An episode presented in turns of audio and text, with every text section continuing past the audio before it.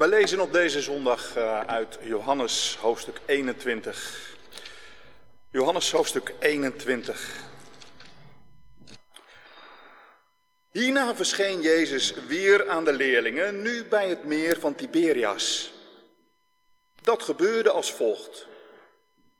Bij het meer waren Simon Petrus en Thomas. Dat betekent tweeling. Nathanael uit Cana in Galilea, de zonen van Zebedeus en nog twee andere leerlingen. Petrus zei, ik ga vissen. We gaan met je mee, zeiden de anderen. Ze stapten in de boot, maar de hele nacht vingen ze niets. Toen het al ochtend werd, stond Jezus op de oever. Al wisten de leerlingen niet dat het Jezus was. Hij riep, hebben jullie soms iets te eten? Nee, antwoordden ze. Gooi het net aan het stuurbord uit, riep Jezus. Dan lukt het wel. Ze wierpen het net uit en er zat zoveel vis in dat ze het niet omhoog konden trekken. De leerling van wie Jezus hield, zei tegen Petrus, het is de Heer. Zodra Simon Petrus dat hoorde, schort hij zijn bovenkleed op, meer had hij niet aan, en sprong in het water. De andere leerlingen kwamen met de boot en sleepten het net vol vis achter zich aan. Ze waren niet ver van de oever, ongeveer 200 el. Toen ze aan land kwamen, zagen ze een vuurtje met vis erop en brood. Jezus zei, breng ook wat van de vis die jullie net gevangen hebben. Simon Peters ging weer aan boord en trok het net aan land. Het zat vol grote vissen, wel geteld 153. En toch scheurde het niet. Jezus zei tegen hen, kom, eet iets. Geen van de leerlingen durfde hem te vragen wie hij was. Ze begrepen dat het de Heer was.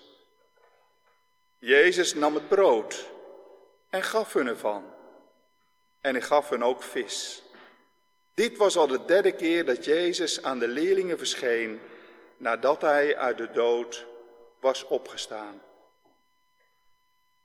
Lof zij u Christus.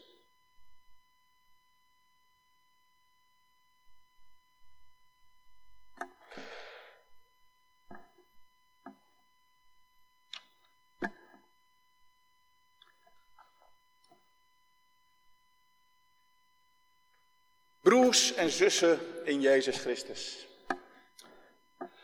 Redelijk pissig vertelt een man me over zijn eigen zaak aan de Bijenlandse Laan.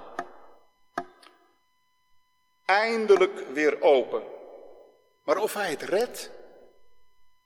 Hij heeft al een winkel moeten sluiten. Hij werkt door, zeker. Maar is het niet te vergeefs? Zwoegen zonder resultaat. Petrus en zijn konuiten weten daarvan. De hele nacht vingen zij niets. Ja, na Pasen heeft Petrus zijn oude beroep weer opgepakt. Je moet nu eenmaal werken voor brood en vis op de plank. Ik ga vissen. Samen met zes andere leerlingen gaat hij het meer op. De hele nacht zijn ze druk in de weer. Maar helaas, al hun geploeter is voor niets. Werk kan zwaar zijn als het je uitput. Werk kan saai zijn. Elke dag weer hetzelfde. Thuiswerken kan voor spanningen zorgen.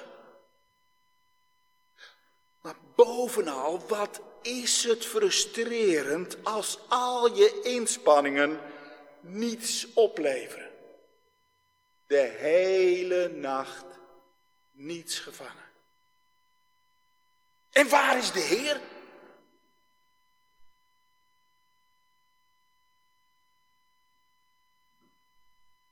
Bij het ochtendgloren staat er een man op het strand.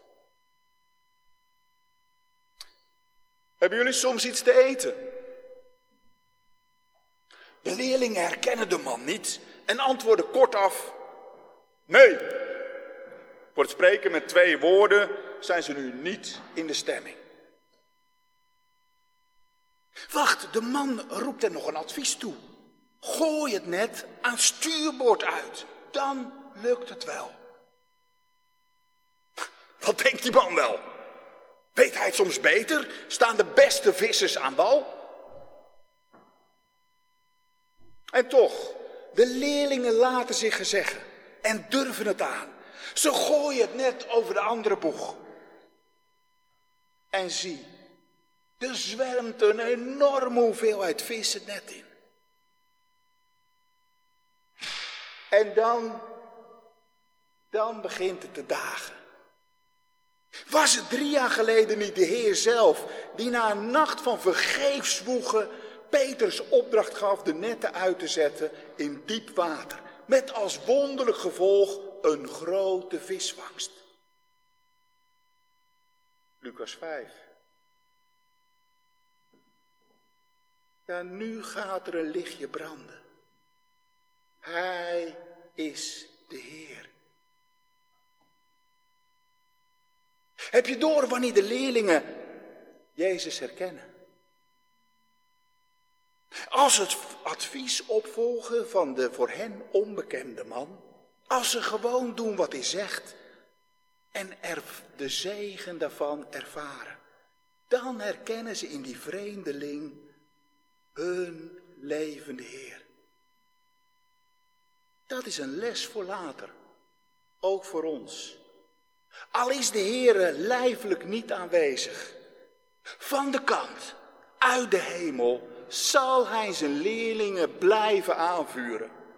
Hij zal ze met raad en daad bijstaan door de geest. En als ze dan de opdrachten van hun Heer uitvoeren, zullen ze ervaren dat Hij voor zegen zorgt. Een les voor later. De Heer staat ons bij. En dat die opgestaan Heer juist daar bij het meer van Tiberias verschijnt, is veelzeggend. Niet tijdens een kerkdienst, niet tijdens een bijbelkring, maar in het gewone leven, op de werkvloer. Als je ziek bent, of de sterfte familielid, dan is de kerk er meestal wel bij betrokken. Maar wat als er ontslag dreigt? Of als je baan op de tocht staat? Of als het werk afschuwelijk is, je leidinggevende je telkens weer vernedert? Waar is de kerk dan?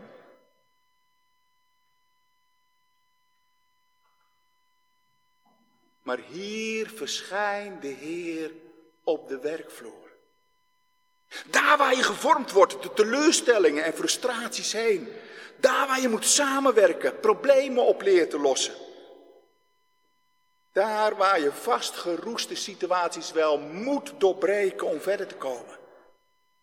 Daar op de werkvloer verschijnt de levende Jezus.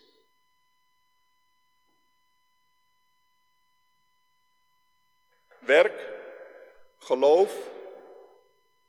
Voor ons zijn het vaak twee verschillende werelden. Op de werkvloer moet je overtuigingen voor je houden. Ja, in de privésfeer mag je wel aan geloof doen. En tijdens de lunchpauze mag je best even bidden. Maar verder? Al klinkt er nu, zo nu en dan applaus voor mensen in vitale beroepen. Uiteindelijk gaat het in het publieke leven om harde feiten, om economische groei, om technologische vooruitgang. In bedrijven telt winst, in scholen het aantal leerlingen en hun prestaties. Wat meetbaar is, in harde munt is om te zetten. Daar draait het om in onze wereld. Aan je geloof, aan je waarden, normen, daar geef je je privéleven maar vorm aan. Het publieke leven strikt gescheiden van het privéleven. De werkvloer en kerkbank, twee aparte werelden. Het gevolg? Vaak gaan we als gespleten mens door het leven. Soms zelfs zonder het door te hebben. Privégelovig, zeker. Maar in het werk? Gedicteerd door een cultuur waarin God er niet toe doet. Gespleten. Maar bijbels gezien is zo'n scheiding tussen geloof en werk ondenkbaar. Wat je ook doet, doe het van harte. Alsof het voor de Heer is en niet voor mensen. Zo schrijft Paulus later in zijn brief aan de gemeente in Colosse. Colossense 3, vers 23. Wat je ook doet. Of je nu op een bureaustoel zit, of op een preekstoel staat, of je nu ramen zingt, of eten kookt, of politiek bedrijft. Wat je ook doet. Ja, wat doe je het eigenlijk voor, werken? Als je geen hoger doel hebt, werk je al snel voor jezelf. Voor het geld, altijd makkelijk. Of je doet het voor de mensen, voor het aanzien. Maar wij zijn geroepen om God te dienen. In deze wereld. En ook al heb je geen droombaan, doe je werk alsof het voor de Heer is.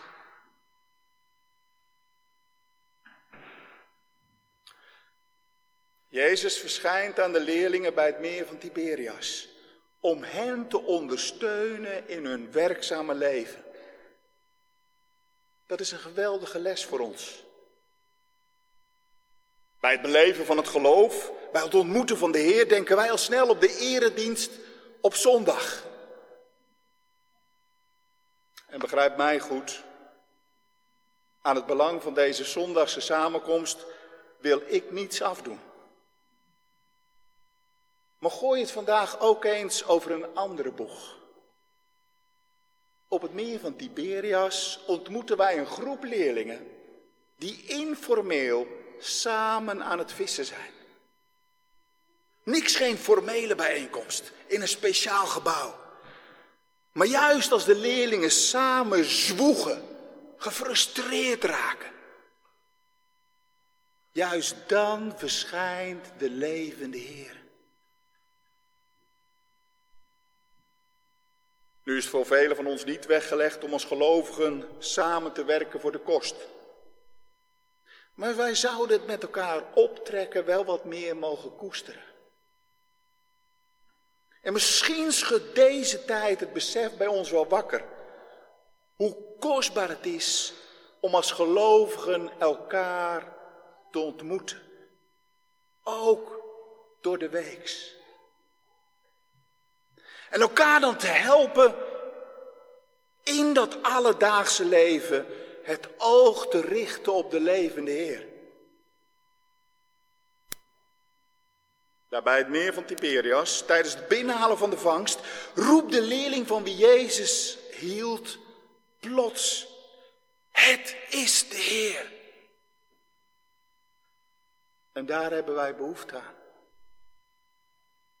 Dat we oog krijgen voor de Heer op de werkvloer.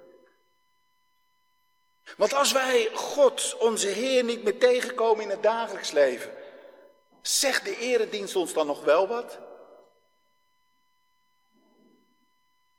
Ja, laten we elkaar helpen ontdekken. Dat achter de schermen van het alledaagse leven de Heer er is. en ons ondersteunen wil bij ons werk.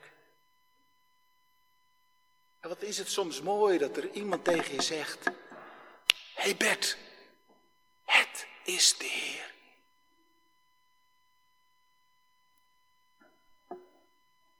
Want Hij staat er nog altijd. Aan de oever van ons leven. Als wij uit de nacht van het vergeefse zwoegen komen. Uit de nederlagen. En met lege handen staan. Hij is er nog steeds. Hij leeft.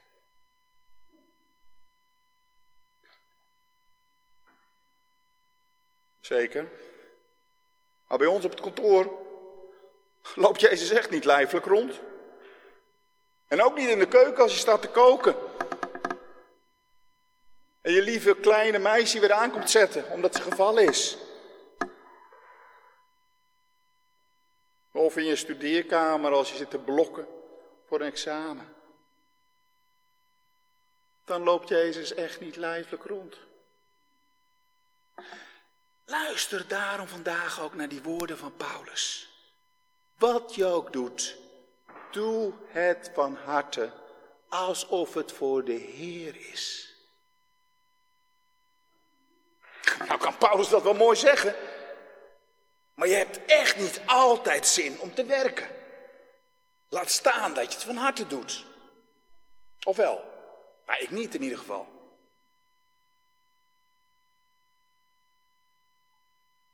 Maar toch, wat ook doet, van schoolwerk tot mantelzorg, van schoonmaken tot manager. Als je dat niet langer ziet als een manier om geld te verdienen of om status te verwerven, of als een noodzakelijk kwaad, een plicht. Maar als je dat leert zien als werk dat je doet voor de Heer, dan ga je anders naar je werk kijken. En dan ga je op het werk anders met mensen om.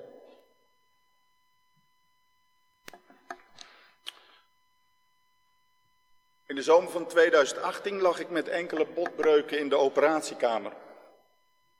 Eigen schuld, dikke bult, zouden mijn kinderen zeggen.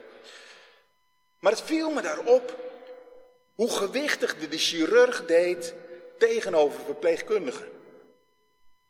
En tot mijn verbazing liep later een verpleegkundige, zonder een woord te zeggen, in de gang zomaar de schoonmaakster voorbij.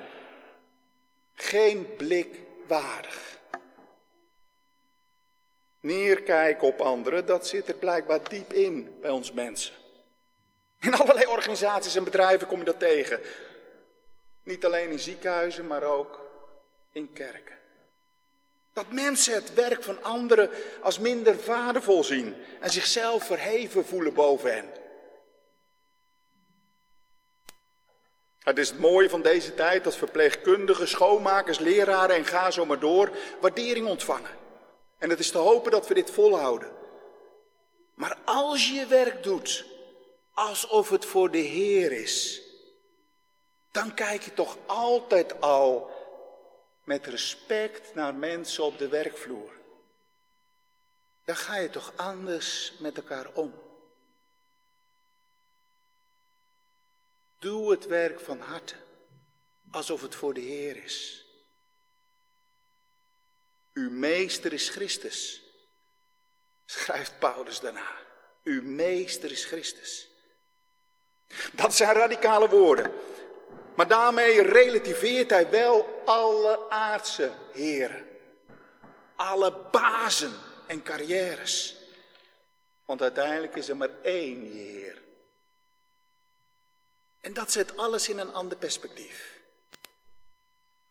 Kijk nooit naar je werk alsof dat het een en al is. Kijk nooit naar je baas alsof hij jouw baas is. Nee, de Heer is uiteindelijk onze baas. Leven met Hem is zogezegd je echte carrière. Hij is en blijft. Ook als je je baan kwijtraakt. Ook als je niet meer werken kunt.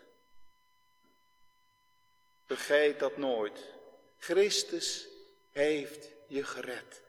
Vandaag vieren we dat weer met brood en wijn. Je carrière, je werk, maar ook je kerk zal jou niet redden. Als jouw werk jou de baas is, als jouw werk jouw Heer en Meester is, dan zal het werk je verslinden. Nee, laat niemand jouw baas zijn dan Christus alleen. En wonderlijk mooi komt dat ook aan het licht bij het meer van Tiberias. Want als die leerlingen met het schip aan de kust komen, dan wacht hen een verrassing. Want wat zien ze? Een vuurtje met daarop brood en vis. De vis al gebakken, het brood geroosterd. Het is allemaal al klaar. De man op het strand heeft de vangst van Petrus en zijn vrienden helemaal niet nodig. Daar gaat een diepe boodschap achter schuil. Jezus zet zijn leerling aan het werk, ook vandaag. Maar ondertussen zorgt de Heer er zelf voor dat alles tot zijn bestemming komt. Dat is zijn zorg. En voor ons dus een hele zorg minder. Wij hebben onze taak te doen, zeker. Maar de Heer is echt niet van ons afhankelijk. Gelukkig maar. En toch, voordat ze gaan eten, roept Jezus de leerlingen toe.